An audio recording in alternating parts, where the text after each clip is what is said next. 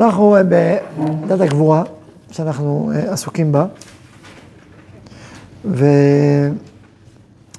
והיום אנחנו אה, נתבונן במהות של מידת הגבורה, משמעות שלה אה, דרך ההיסטוריה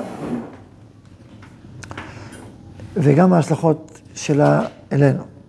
עכשיו, ככה מידת הגבורה היא מתאימה לימים נוראים, לראש השנה, לכל הצד הצד שמאל, כי כל המושג של הגבורות בימי הדין, אחת הבחינות של הגבורה זה בעצם הרצון לתיקון, הרצון לשינוי, כמו שהסברתי פעם הקודמת, נכון? דיברת על זה, רצון לשינוי ותיקון, והמתח הזה ששואף קדימה וקדימה וקדימה.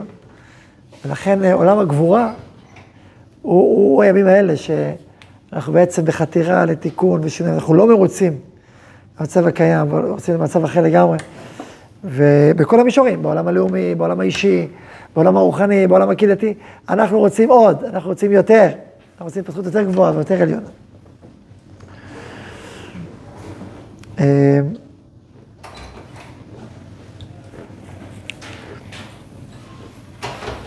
אז לכן מדת הגבורה היא מתאימה.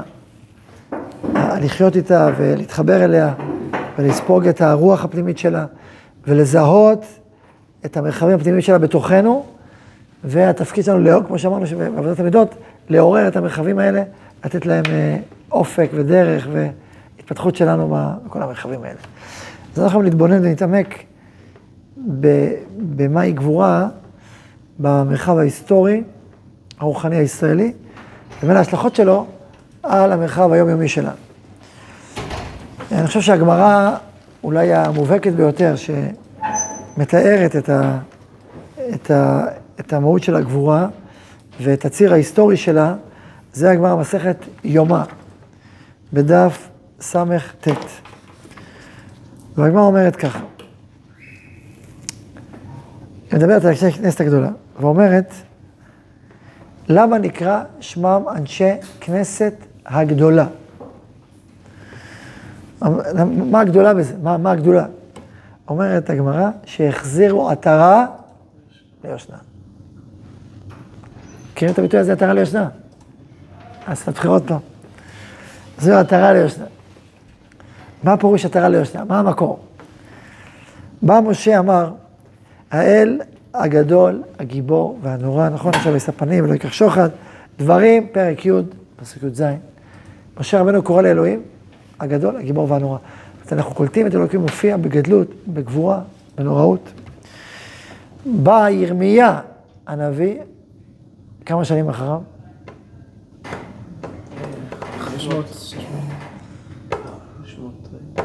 300 כניסה לארץ. 800 שנה אחריו בערך. הבית המקדש הראשון הוקם 400, 500, 400 שנה לצאת ישראל ממצרים.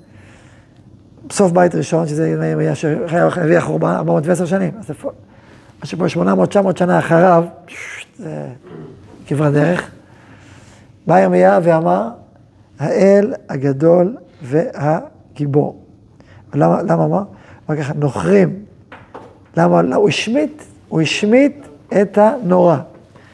אמר, נוכרים מקרקרים בהיכלו. הוא ראה את החורבן, היה נוראותיו. לא אמר נורא. אמר, לא פשוט, לא אמר נורא. בא דניאל, שהיה אחרי ירמיה, כבר בגלות בבל, לא הרבה אחרי ירמיה. זה אני חושב של 40 שנה. ואמר, נוכרים משתעבדים בבניו, לא רק זה שהיה חורבן המקדש של ירמיה, אלא בפועל נוכרים משתעבדים בבניו. איה גבורתיו, איה גבורתיו. לא אמר גיבור. זאת אומרת, משה רבנו מתחיל, האל הגדול, הגיבור והנורא, יציאת מצרים, עם ישראל מנצח את אויביו, את פרעה, שוק על ירך, סיחון, עוג מלך הבשן, כולם קורסים אל מול העוצמה הישראלית, האלוהית שמתגלה בתוכם, והאל הגדול, הגיבור והנורא, ראינו בעינינו, גבורותיו ונוראותיו. ובא ירמיהו ואומר, טוב, זה שביציאת מצרים, עכשיו הגענו לפה, בום, הכל נחרב. נוכחים מקרקרים בהיכלו, זה נוראותיו, הוא לא, לא, הוא לא ירוי, הוא לא מתיירא על בריאותיו, הנה, חיללו את ביתו. ונכנסו והחריבו ושרפו וביזו. אז היה נוראותיו. לא אמר מה, ובא דניאל עוד יותר כבר עומק הגלות, בבל, משתעבדים בבניו, איפה עם ישראל? לא אמר גיבור, איפה הגבורות שלו? איך יכול להיות שרואה את בניו משועבדים, והוא משתעבד איתם, כאילו, מה קורה? לא אמר גיבור. עד שבאו הכנסת הגדולה, שהם סוף גלות בבל, תחילת בית שני, שהם 120 זקנים, ובהם כמה נביאים, וחזרו ותיקנו בתפילה, נוסח התפילה, אלה גדול הגיבור והנורא, החזירו את משה רבנו למקומו. אז לכן, גדולה, שהחזירו עטרה ליושנה. למה? אבל איפה הגבורות? באו הם ואמרו, אדרבה, זוהי גבורת גבורתו, שכובש את יצרו, שנותן ערך אפיים לרשעים. ואלו הם נוראותיו, שאלמלא מורו של הקדוש ברוך הוא, איך אומה אחת יכולה להתקיים בין האומות. אבל לא ההסבר שאתה הסברת, שחזרו לארץ ישראל, לא, כי חזרו רק 40 אלף, הרוב בגלות, וגם בארץ ישראל חצי מהזמן, זה לא תפארת ישראל. אז ההסבר הוא אחר. ההסבר הוא אחר. פשוט הם ביטאו הסבר חדש למושג גיבור. ואני שואל, מה, הנביאים לא ידעו? לא ידעו כזה יותר גדולים מהנביאים? נכון שגם שם היו כמה נביאים, אז הם לא ידעו והם ידעו. הם חידשו חידוש, מה, פס, חידוש. ברור ש...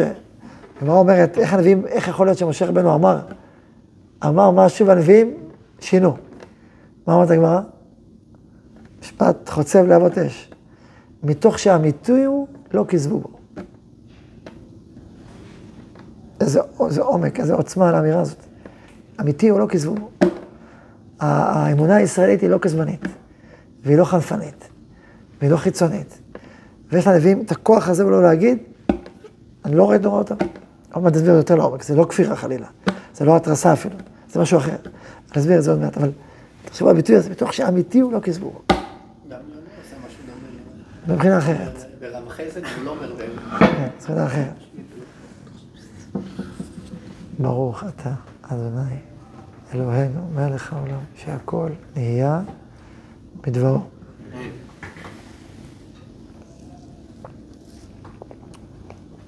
תודה רבה.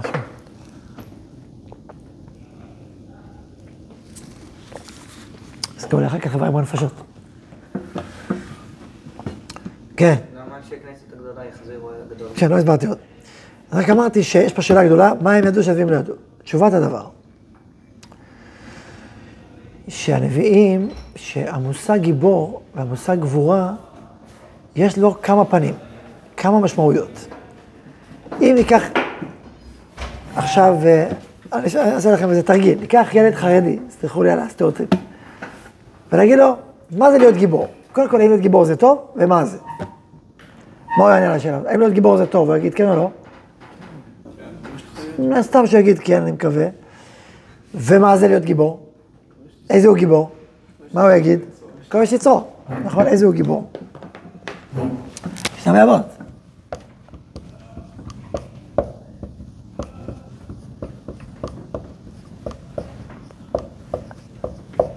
הכובש את יצרו. ככה הוא יגיד, ככה הוא יגיד. משנה. קחו חילוני. להיות גיבור זה טוב? כן. מה זה גיבור? מה הוא יגיד? אז הוא יכול להגיד, יש כאלה שיגידו סופרמן וכאלה כזה של...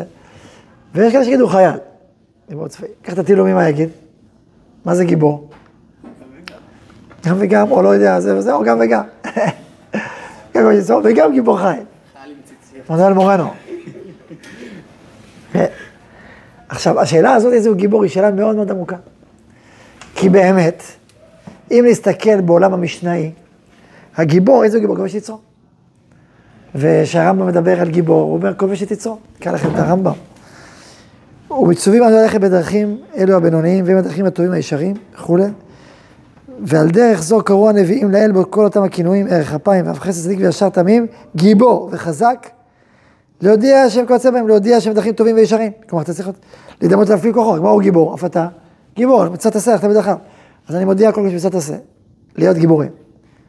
מצוות עשה דור תחתיו בדרכיו. מהו גיבור? אף אתה גיבור, רמב"ם. פשט, זה לא אגדות, זה, פשט. האגדות הן מאוד חשובות, הן מאוד יסודיות, אבל זה גם עסק להלכה. אז עכשיו, הרמב"ם שמדבר על, על הנביא, הוא אומר, מתגבר על יצרו תמיד. איזה גיבור כובש את יצרו, נכון? אבל זה גיבור, גיבור על יצרו. אבל האם, כששואלים את התנ"ך, מה זה גיבור? מה התשובה תהיה? שמשון. הגיבורים אשר מעולם אנשי השם, בני האלוהים. גיבורים אשר לדוד. 800 חלל בפעם אחת, אלף חלל בפעם אחת, נכון? הגיבורים אשר לדוד. זאת אומרת, התנ"ך מדבר על גיבור, גיבור מלחמה. כגיבור, אפילו הקדוש ברוך הוא מתארים אותו, יריע אף הצריח, השם כגיבור יצא, כאיש מלחמה. יריע אף הצריח, על אוהביו יתגבר. ויצא השם, נלחם ביום הוגים, כמו מלחמה ביום קרב. זקנה ביום דין ובחרות ביום קרב. אומרים בשיר האיחוד, נכון? שיר הכבוד. גיבור, גיבור מלחמה, כגיבור חיים. הוא מנצח מערכות ישראל. אז זאת אומרת, אם תשאלו את התנ"ך מה זה גיבור, הוא יגיד גיבור חיים. אם תשאלו את המשנה מה זה גיבור, תגיד לכובש את יצרו. מה ההבדל? הבית ראשון, הבית שני. וההבדל הוא הבדל מאוד עמוק, זה לא הבדל פשוט, זה לא הבדל סמנטי. זה הבדל רוחני, זה הבדל מהותי. ההנהגה האלוהית של בית ראשון, או ממשה רבנו. מה זה גיבור? איך שאלוקים מתגלה כגיבור, הכוונה, גיבור שמנצח את האויבים. ברמה הישראלית, ברמה החיצונית, יש גיבור, יש... הרי מה זה גיבור? גיבור זה כאשר עומד משהו, משהו מולך, משהו שמנגד אליך, משהו שמאיים עליך, משהו שעוצר אותך, ואתה מנצח אותו, ואתה כובש אותו, מתגבר עליו. נכון, זה גיבור. נכון, אפילו היום, אפילו בעולם הספרותי, מדברים על גיבור, גיבור העלילה. איך, איך בנוי הספרות? מה, מה ה-DNA שלהם?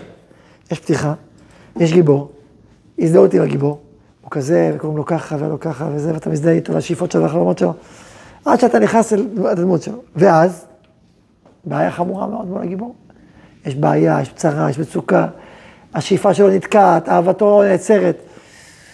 הוא, הכל הכל, אנחנו לו זה, ואז הוא מעפיל ומנצח בסערת קרב, פנימית או חיצונית, או כזה אחרת, את המערכה, ומגיע לסוף הטוב ברוב פעמים. נכון? זה, זה הסיפור, זה ככה זה בנוי. אז מה זה גיבור? מה הגיבור? הוא עומד מול כל המכשולים, ועומד מולם, פורץ אותם, כובש אותם. אומרת, אתה עומד מול, הצורים, אותם, אלא מה? בבית ראשון זה מצורים חיצוניים.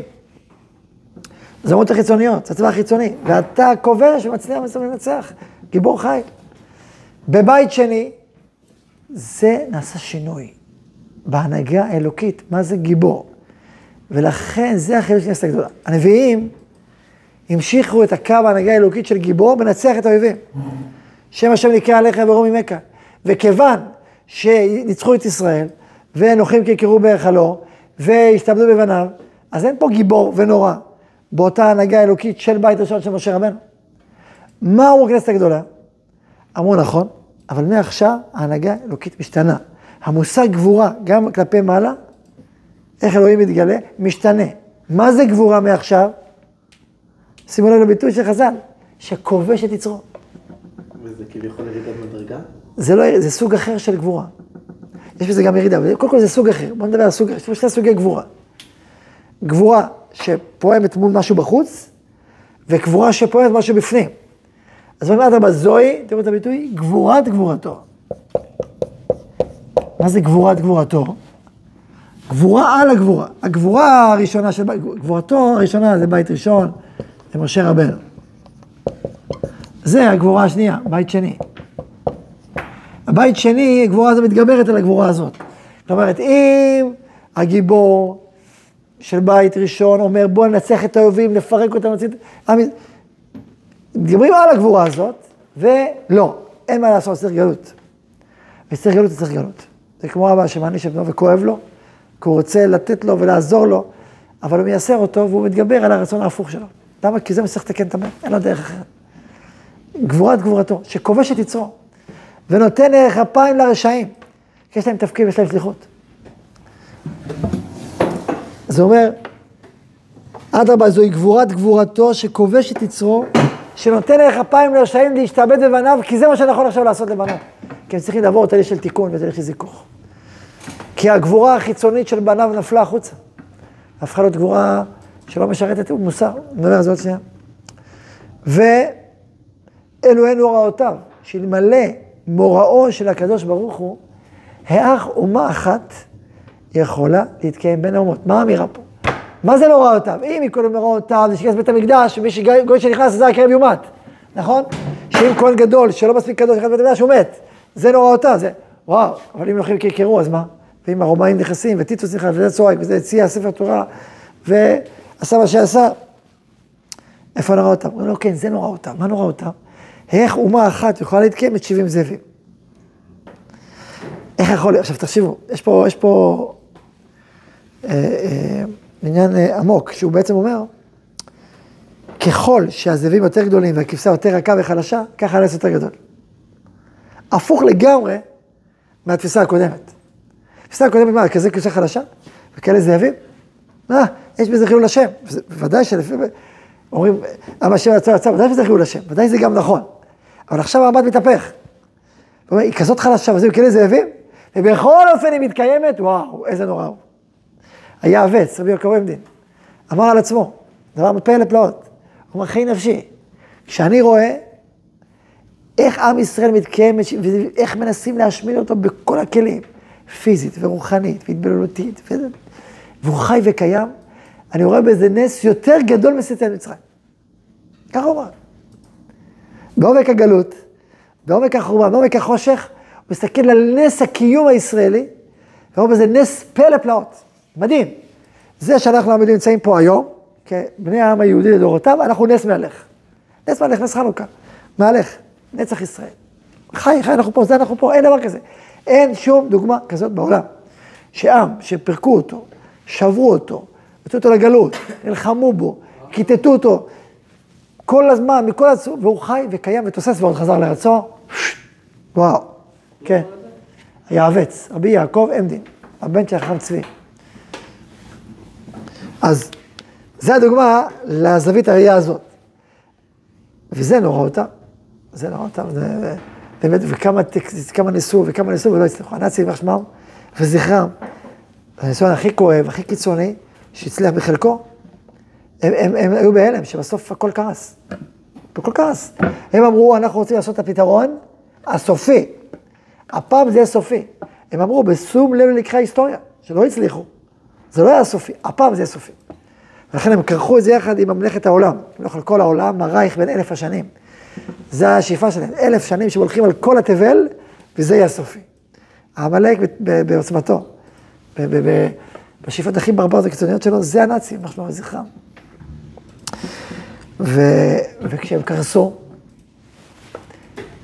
אז ידוע שאחד מה, מהעשרה שנתלו שם, משפטי נירברג, שיש את הרמז של עשרת בני המן, אז הוא אמר, פורים 1945, 6.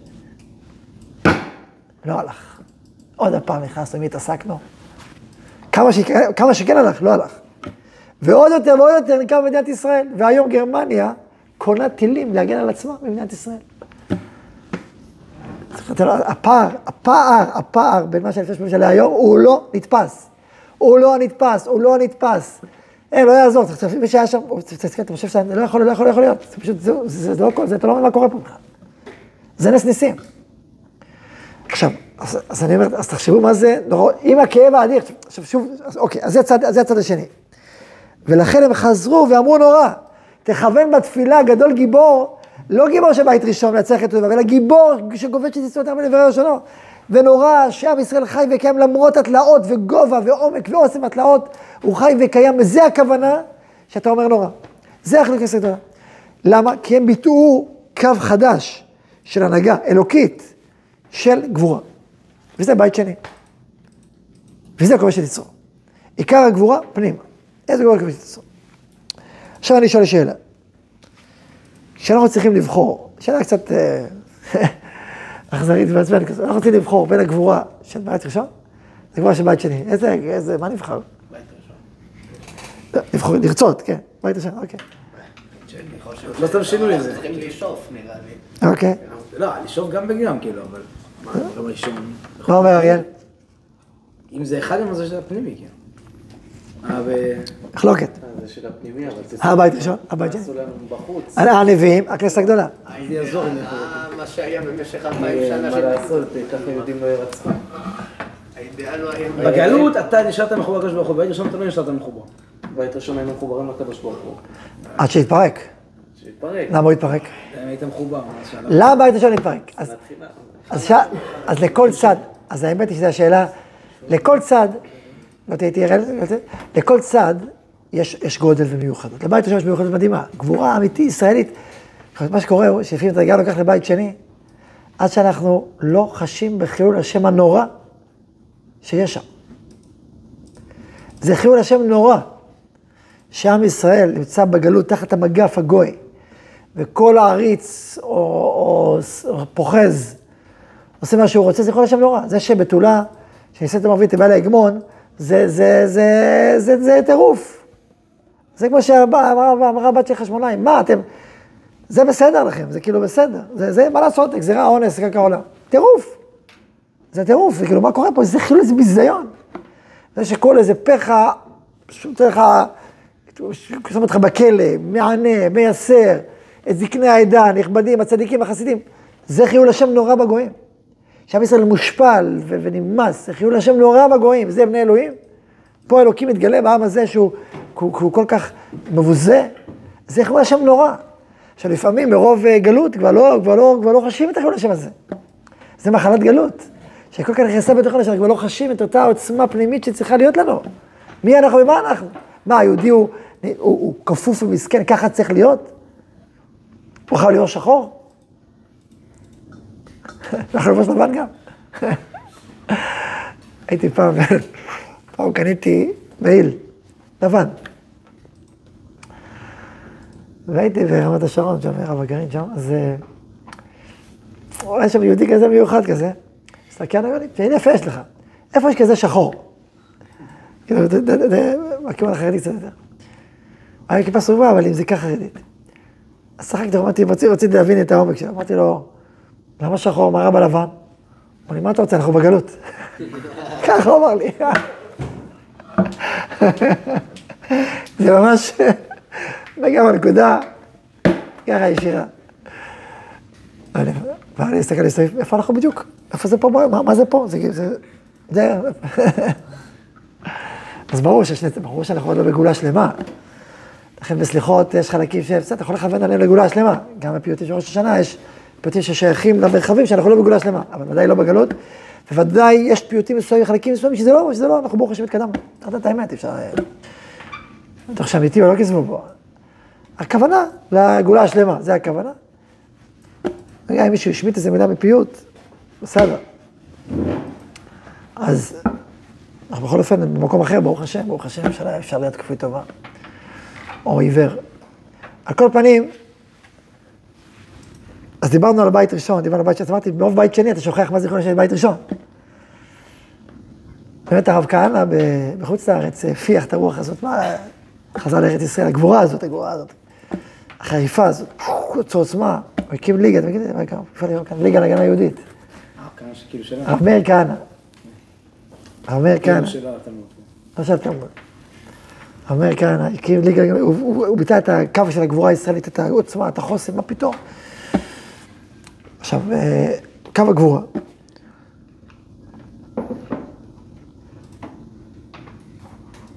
עכשיו, אז לכן מצד אחד, הגבורה בפועל זה דבר כל כך משמעותי. גיבורי דוד, ארדוף אויביי ואשיגם ולא אשיב עד כלותם, הם חלצם ולא יכלו לכל יפלו תחת רגליי. ו- ובהקשר הזה, העולם החילוני כאילו לקח את זה. היה לו קו, אומרים שזה עבר התנ"ך, מכבים, החיילים. דילג על אלפיים שנה. עכשיו, הדילוג הזה הוא טוב או לא טוב? מצד אחד, יש בו אמירה מאוד נכונה, שחזרנו לארצנו ואנחנו עכשיו במקום אחר של גבורה, אלוקים מתגלה בגבורה חדשה. זה מה שקורה לנו בדור הזה. אלוקים מתגלה בגבורת מערכות ישראל. אלוקים מתגלה בניצחונות הצבא. ושצבא ישראל ניצח במלחמת ששת הימים, מלחמת יום כיפור, אמרו, הגדיל השם לעשות עם אלה. סיפר, אה, יש לי קרוב משפחה, אחרי אנחנו טובים, קרוב לגיל 100. הוא סיפר כשאחרי מלחמת ששת הימים הוא היה, באיטליה. וישבנו שם, וראו שם יהודי. הוא אומר, הוא אומר, שעברנו, עברתי שם, הוא אומר, כל יושבי בתי קפה עמדו, ואמרו לנו, ויבה ישראל. ככה, ויבה, עמדו, עמדו לכבודנו. הוא אומר, אנחנו, כולם עומדים, ויבה ישראל. זה קידוש השם. ענק. הנה עם ישראל. וואו. זה, וזה גיבור אלוקי, גבוהה אלוקית, של בית ראשון. שנצח את האויבים, שנקוד את המשוק הירך, ואם אנחנו מקבלים מכה, זה חילול השם. זאת אומרת, התחדש חידוש ענק, עכשיו בדורות שלנו. ולכ... אז אה, ואיך בהקשר הזה של, של כבשה ושבעים זאבים, יש ביטוי יפה שאמר, אמר, אה, אחד מאלופי הצבא של ישראל, לא זוכר, ראש אמ"ן, ראש המוסד, לא זוכר מי אמר את זה, או משפט כזה, הוא אמר, אצלנו אומרים, שלדעתי לבוא גר זאב עם כבש, אז הוא אומר, אז במזרח התיכון יגור זאב עם כבש, אבל שאנחנו נהיה זאב. עדיף שאנחנו נהיה זאב.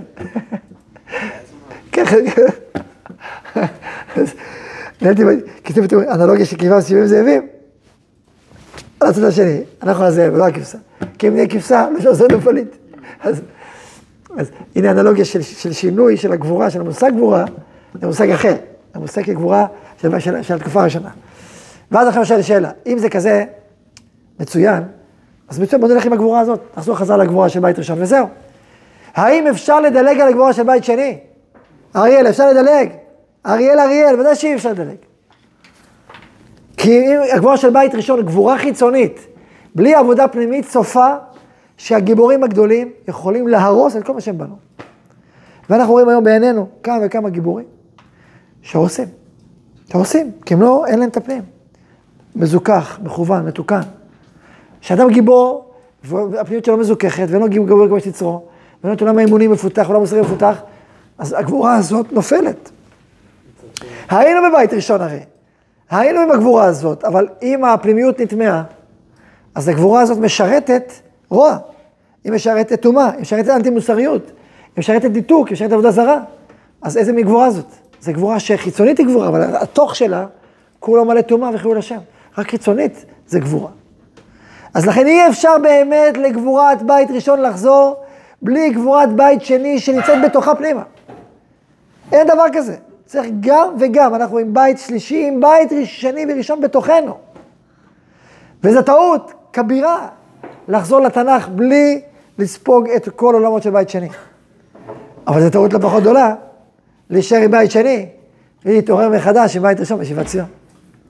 וזה אומר, תחשבו מה, מה אנחנו, אני אומר עכשיו, אני אומר עכשיו, בעצם, בעצם, אנחנו רואים בעינינו שהנהגה אלוקית, אנחנו צריכים להכניס לדברים חדשים. שיסבירו לנו שגיבור זה גם וגם. זה גם גיבור בפועל, גיבור במובן הזה של בית ראשון. שאנחנו, תחשוב, כשאומרים גיבור השם הוא גיבור, ושם ישראל גיבור, מה אנחנו מתכוונים? גיבור בפועל, אמרנו, תהיו לאומי, גם וגם. העולם החרדי לא תמיד מספיק בשל להגיד עכשיו, כן, גם זה גיבור. הוא בתוכו כן אומר, וגיבור, הוא שמח שצה"ל מנצח, והוא שמח לראות גיבורי ישראל. אבל גיבורי ישראל האידיאליים שלהם אנחנו שואפים זה דוד ושלמה. זה חיילי ישראל שהם גיבורים וצדיקים. אתה יודע, באמת, אישיות כמו עמנואל מורנו. זה הספר מדהים לקרוא עליו, את הספר החדש שיצא עליו, המעט שאפשר לספר. זה דוגמה מדהימה לגיבור ישראל בכל רמ"ח ושסה. איש גיבור חי, עם מסירות נפש אדירה, עם יכולות עצומות. עם... מצד שני, היה בו אה, גבורות אה, חזקות, גבורות במובן של תקיפות וחריפות, ושהיה יכול להיכנס באנשים, הוא היה נוקב את התהום. לא פשוט לחיות עם אדם נוקב את התהום. גיבור חי, עם כנות, עם אידיאליסטיות קיצונית. ותשמע, לא פשוט לחיות במחיצתו. לא פשוט. ו, והדבר העוצמתי הוא, יש שם בספר שבשנים האחרונות של חייו, הוא התחיל מסע שלם של תיקון המידות. כבר לפני כן הוא היה איש עצום, אבל הוא הבין שהוא תקיף מדי, והוא חייב מדי עם אנשים. והוא חייב לעבור תהליך שלם של תיקון וזיכוך ודיוק. ומסע של תיקון מידות הוא עשה. מדהים. מה קרה לו? הוא הביא את בית שני אחרי בית ראשון. הוא כאילו נכנס בתוך, בתוך מוכניות, בתוך אמונה עמוקה, גם לפני כן היה מלא אמונה עמוקה, אבל היה, בתוך בית ראשון אני קורא לזה. בשנים האחרונות הוא, הוא נכנס עמוק לחמת בית שני עם בית ראשון. כלומר, איזה גיבור הכובש שתיצור, במובן הזה. ומה כן להגיד, ומה לא להגיד, ואיך הוא מזכך, והוא ראה בזה פרויקט אמיתי, ונכנס לזה כמו כל גיבור, עם דפים, עם פנקסים, עם איך לעבוד על המידות, ושלב ראשון, ושלב שני, וככה, ואשתי תעזרי לי, ואיך לעשות, איך לעשות. מדהים, ממש מדהים לראות את, ה, את שני המרחבים האלה בתוך האישיות הזאת. שזה גיבורי ישראל המופלאים שלנו. לשם אנחנו חותרים. אגב, יש הרבה גיבורי ישראל כאלה, לא כולם דתיים, לא כולם, אבל הם מחברים שני עולמות. יש. בפירוש יש. ראיתי כאלה, אני מכיר כאלה, אבל יש כאלה שלא לצערי. שמדי גיבורים, גיבורים, ובתוכם לא עברו תיקון של הדרך של תיקון, ואתה רואה את זה בעיניים. אתה רואה אדם גיבור ישראל, מלא עיטורי עוז, מופת והכל, זה דבר גדול. אבל אתה רואה אותו מתנהג ופועל בצורה, אתה לא ראוי להיות אה, מלך בישראל, ממש לא. ממש לא, אתה לא ראוי, אתה פשוט לא ראוי. ואם תהיה, העיפו אותך או העיפו אותך בעבר. אתה לא ראוי להיות מלך, אתה פשוט לא נוהג כמלך. אין לך את העולם הפנימי של מלך, את הגיבור הפנימי של מלך, את העוצמה הפנימית, המוסרית של מלך. בהקשר הזה אני רוצה לציין טובה עוד ספר, שהצטטתי אותו כבר פעם, שאני חושב שהוא אחד הספרים המיוחדים בסיפור, בסיפורת, שזה איסטראק. ספר מיוחד, משמעותי מאוד, שבאמת מתאר מלכות עם, עם גיבור כמו של יצרו וגיבור פיזי. כלומר, שני, שני המרחבים של גבורה, מאוד חזק, מאוד עוצמתי. מתאר את, את המלך כגיבור פנימי וגיבור חיצוני, שזה באמת אה, ניחוח אה, עתידי. אני מדבר על ממלכת כוזר, אוקיי, אבל, אבל חלק מהדברים היפים במלך שהוא מתאר ממלכה שלמה, יהודית, שזה, שבאמת מתכתב עם המרחבים הישראליים האותנטיים. אגב, בעלת תשובה כתבה את הספר. חיבור בין העולמות. אני לא יכול להגיד שאני מזדהה עם עד הסוף עם כל מה שכתוב בספר, בנקודות הכי עמוקות שלו. כלומר, יש בזה המון עומק ויופי ועבודה מוסרית מדהימה והכל. אה, יש, יש משהו שם שהוא קצת לא מספיק ארץ ישראלי.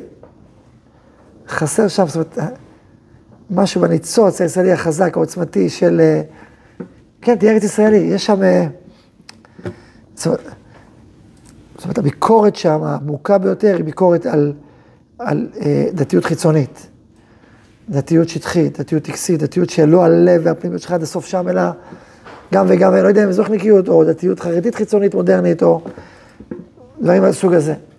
ולכן מדברים בעצם לפעמים על אופן של, של רוחניות מסוגרת, לא רוחניות, לא רוחניות מספיק פורחת באופן ארץ ישראלי. יש שם, זה לא, זה לא, בוא נגיד, כאילו לא מדויק עד הסוף. עד הסוף ברוח ארץ ישראלית, אני דעתי, ובוודאי משלמת הרב קוק. זה הביקורת העמוקה, אבל בסדר, הביקורת היא בטלה ברוב, למרות שהיא מאוד שורשית, היא עדיין בטלה ברוב מול ה... היופי והעוצמה הפנימית של הספר הזה. ובנושא שלנו, זה מדהים. זה מי שרוצה ללמוד גבורה, יכול לקרוא את הספר. אה, כן, לא לקרוא כל היום וכל לילה, כן. בין הזמנים. צריך מספיק גיבור לקרוא קצת ולהמשיך ללמוד. ו... אבל לקרוא בין הזמנים, אבל כספר זה אחד הספרים האיכותיים במה זה גבורה. הרב קוראים לספרים?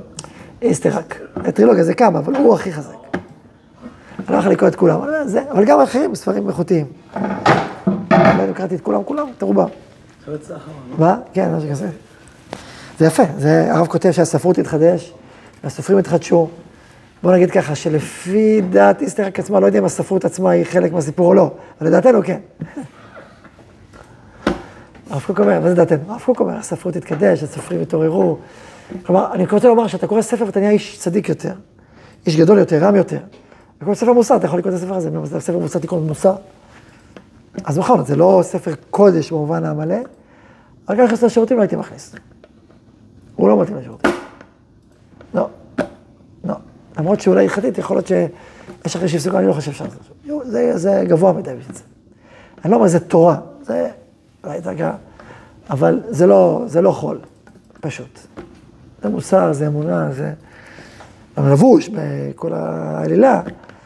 אבל בסדר, לפעמים העלילה מביאה לך משהו הרבה יותר עמוק. גם חז"ל, משל למלך, משל לסופר, משל, משל. הסיפור הוא, הוא, הוא, הוא לפעמים מביא אותך למקום שאמירה כאמירה לא מביאה אותך. לכן הרב כותב שהספרות תתקדש ותתחדש ותתפתח, וזה אחת הדוגמאות המשובחות ביותר של ספרות יהודית איכותית, פנימית. טוב, עד כאן אה, את הדיבור הזה. אה, על כל פנים, נחזור למושג אה, גבורה. אז דיברתי גם אני מונה מאוד כאישיות, דרור ויינברג, אנשים גדולים. אתה רואה אנשים גיבורים, אבל לא רק הם, הרב קוק עצמו היה גיבור הדק. גדול וגיבור, הרב קוק, ללכת מול הזרם. הסברנו את זה, נגד הזרם. להגיד את האמת הפנימית שלך, להגיד אותה בשפה ברורה. לפני, אה, ארבע שנים, חמש שנים היה אה, משיא משואות שקראו לו הרצל ביטון. שמעתם את השם הזה? הרצל ביטון? הנה, חי וקיים. חי וקיים. ואגב, יש אלג'יראים וצרפתים שזה דווקא ממש לא טלס אותם. אפילו בתרבות, אבל נעזוב את זה רגע. אה, והוא, הוא אה, היה נהג אוטובוס. והגיע מחבל, והתחיל אה, לדקור. ובא לתת לו, זה, התחיל לדקור אותו. הוא חטף כמה דקירות, עצר את האוטובוס, התחיל להיאבק עם המחבל בכל כוחו, עד שהמחבל ברח. הוא רדף אחריו פצוע ודקור שש פעמים, רודף אחריו, הוא בורח ורודף אחריו. עד שהוא קרס. אבל דרך, זה שהוא ברח, תעשו זה, עשו את המחבל, הוא הציל אוטובוס. שלם שיכול להידרדר ויכול זה. ופציעות, ונתנו לו לשים משואה. אז קודם כל הוא היה גיבור עצום, והשים משואה אה, ביום העצמאות. עכשיו במשואה הוא אומר, אני רוצה להגיד תודה לקדוש ברוך הוא, ששם אותי באוטובוס הזה, הוא יודע שיש לי גוף חזק ולמדתי קראטה, והוא נתן לי את השליחות הזאת להציל את עם ישראל. ואין כמו עם ישראל בכל העולם כולו. כל העולם כולו, מחיאות כפיים. איזה אמירות, דיבר אמירות עוצמתיות, יהודיות, נשמתיות. אתה לא כזה מתפתלות, כל המילים. אמירות חדות, בהירות, אתה רואה אדם גיבור, אתה רואה, יש גיבור. שתי הגבורות, גם גיבור פיזי וגם גיבור נפשי ורוחני, שם את האמת הפנימית שלו על השולחן. פה אני נמצא, זה האמת שלי, זה אני. עוצמה, אתה רואה אישיות גיבורה. וטוב לקרוא סיפורים על גיבורים כדי להתחזק ולעורר את הגבורה הפנימית שלנו. אחד האמצעים לעורר גבורה זה לקרוא סיפורים על גיבורים. גיבורים, איך, איך, איך גיבורים גיבורים ומה הם עושים? אתה קורא, מתחזק ומתעורר, זה לא לבד, יש עוד הרבה עבודה לעשות, אבל זה, זה, זה, זה אחד האמצעים החזקים ביותר למעשה מושג גבורה. אז אם, אם נסכם את השיעור שלנו היום, בעצם דיברנו על כך דרך הגמרא, שיש תהליך היסטורי בהנהגה האלוהית, מה זה גיבור? מה זה גיבור? האם גיבור זה גיבור מול, מול האויבים, גיבור מול העובדים החיצוניים שמתנגדים, או גיבור מול האויבים הפנימיים שמתנגדים. אמרנו שבית ראשון, עיקר הגבורה הייתה מול החוץ, וככה האלוקים התגלה, וככה עם ישראל, וכשעם ישראל נפל, אז ממילא הגבורה נעלמת, ואי אפשר להגיד, אפילו הגבורה שלנו גיבור, כי לא, הגבורה לא מתגלית בזה, אפילו הגבורה האלוקית. בכנסת הגדולה, חידשו חידוש ענק, שעכשיו, מבית שני ואילך, מהגלות ואילך עד עכשיו, זה בעצם גיבור, מה שקובע שהיא תצרור, מול הבאות הפנימיות, בדיוק הפוך. עם ישראל שמצליח לשרוד עם כל הזאבים. זה כמו הסיפור הזה על אותו יהודי שאכל הרבה בשביל להישרף. על קידוש השם, אתם מכירים את זה. היה סיפור מפורסם, שאמרו שיש אחד שמחיצת אחד גדולי הצדיקים, ראו אותו אוכל, אוכל, אוכל, אוכל. איך אתה לא יוצא צדיקים? ואז הוא סיפר שהסוד שלו, שאבא שלו, מישהו שהוא הלך איתו פעם, ותפסו אותו ושרפו אותו על קידוש השם, אבא שלו אמר, אני יהודי, והוא היה כזה דק, נשרף מהר. אמר, מה זה, איך כך שרפו את אבא שלי? אני אוכל, יהיה אדם ענק, שיגידו לי, אמיר דתי, אני אגיד, אני יהודי. אם ישרפו אותי, יהיה אבוקה ענקית, יבינו מה זה יהודי. זה הסיפור. עכשיו, מצד אחד זה סיפור מדהים. זה, מסור, זה אדם שחי במסירות נפש כל רגע ורגע. עומד קדוש עליון. תחשבו על זה, אדם שמוכן כל רגע ורגע נתון להישרף בקדוש השם, וזה הוא אוכל. וואו, זה כאילו כמו גדולי הצדיקים, לכן אמרו שכל בעל שם טוב כמו זה. מאידך, תחשבו איזה חילול השם וחרפה יש פה. שהגויים ישרפו אותך, זה, תהרוג אותם, ההוא בא להרוג יהודי, מה צריך לעשות לו? הבא לא גרש גם הוא יישרף, מה? הבא לא גרש גם להורגו, מה זאת אומרת? בא בשביל לשרוף יהודי, סתם שלא יעשה כלום, בוא נשרוף אותך. אתה תשרף, מה לשרוף אותך? אתה תמות. מה זאת אומרת? הבא לא חשב להורגו. ושיהודי מסכן ואומלל, והוא אחרי זה גיבור ונראה, ושהוא נשרף גם אש גבוהה, זה חילול השם נורא בגויים.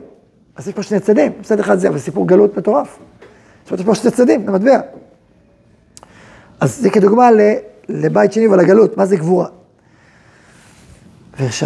ושיבת ציון, אז אנחנו ברוך השם חוזרים ונתגלה לגבורה חדשה, שהיא גבורה של ישראל וצבא ישראל וגיבורי ישראל שמנצחים בקרבות, שזה צד אחד של גבורה אלוקית, אבל עם זה אנחנו חייבים, חייבים את הצד השני הפנימי של כל הדורות, כי הגבורה של בית ראשון לבדה חרבה. בית שני לבדו זה חילול השם נורא. בית ראשון ובית שני, שיבת ציון, גיבור כזה וגבורה, זה שם אנחנו חותרים, זה האידיאל שלנו.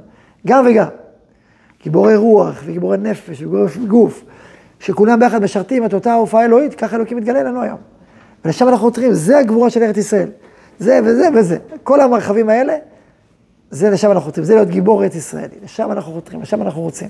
תעשו התעמלות בערב, ומשחק, וגוף מפותח, ואישיות רוחנית מפותחת ומוסרית, ולא כועסת, וכמובן, כמובן, כמובן, כמובן. זה, לשם אנחנו חותרים, יהי רצון, שנזכה להיות חלק מהמרחב הגבורתי הקדוש והטהור, על, על, על כל מרחביו, שהולך ומופיע עלינו בארץ ישראל. אני רוצה שכעם, כעם ישראל, הגיבורים שלנו והגיבורים הגדולים שלנו יהיו מלאי תפארת, מלאי קדושה, מלאי פנימיות, מלאי גיבורים, גיבורי פנים, מלאי גיבורי חוץ, שתשרה השנה בתוכנו, וישראל עושה חי למצח את אויביו ומתקן את העולם כולו, וכן יהי רצון, אמר. אמן.